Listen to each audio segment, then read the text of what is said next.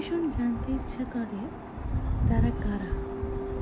যারা প্রতিদিন মুখে রক্ত তুলে অন্য মানুষগুলোর প্রাণ বাঁচানোর জন্য যুদ্ধে যেতে প্রস্তুত, কিংবা নিজের ঘরের বাবা, মা, সন্তানদের ছেড়ে যুদ্ধের তরোয়ার নিয়ে প্রতিদিন যুদ্ধ করছে, সেই সব মানুষগুলোকে অশ্রদ্ধা করছে, অবহেলা করছে। আমার ভীষণ জানতে ইচ্ছে করে তারা কারা?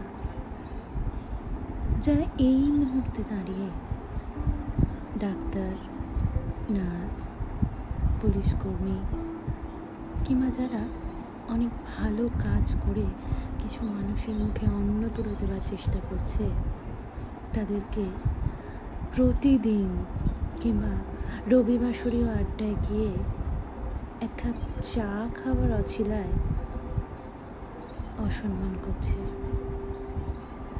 আমার ভীষণ জানতে ইচ্ছে করে তারা কারা? যারা রবিবাসরীয় আড্ডা কিংবা সান্ধ্যকালীন বৈঠককে অস্বীকার করতে পারছে না। আমার ভীষণ জানতে ইচ্ছে করে তাদের কথা। যারা সারা সপ্তাহ তার নিজের ছেলেটি বা মেয়েটিকে যুদ্ধ থেকে ফিরে আসা অবস্থায় একবার সুস্থভাবে চোখের দেখা দেখতে চায়। আমার ভীষণ জানতে ইচ্ছে করে, সেই সব বাবা মার কাছে। যারা জন্ম দিয়েছে সন্তানকে ঠিকই, কিন্তু অন্য সন্তানদেরকে সন্তান বলে ভাবতে পারছে না। বারবার রাস্তায় বেরোচ্ছে কিছু অছিলায় আমার ভীষণ জানতে ইচ্ছে করে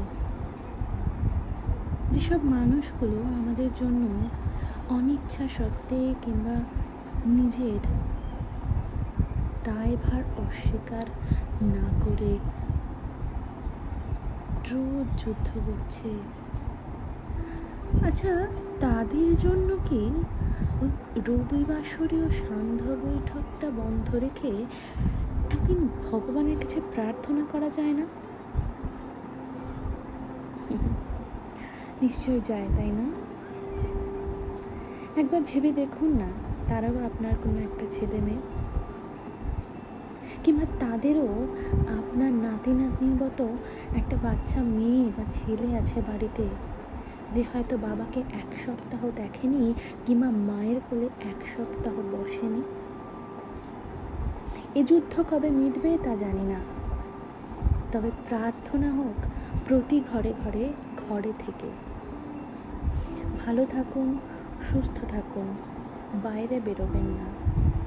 আর এইভাবেই এই প্রতিদিন যুদ্ধ করা মানুষগুলোকে আমরা হয়তো একটু সম্মান দিতে পারি কিংবা তাদের কাজে একটু হলেও অংশগ্রহণ করতে পারি। সুস্থ থাকবেন, ভালো থাকবেন।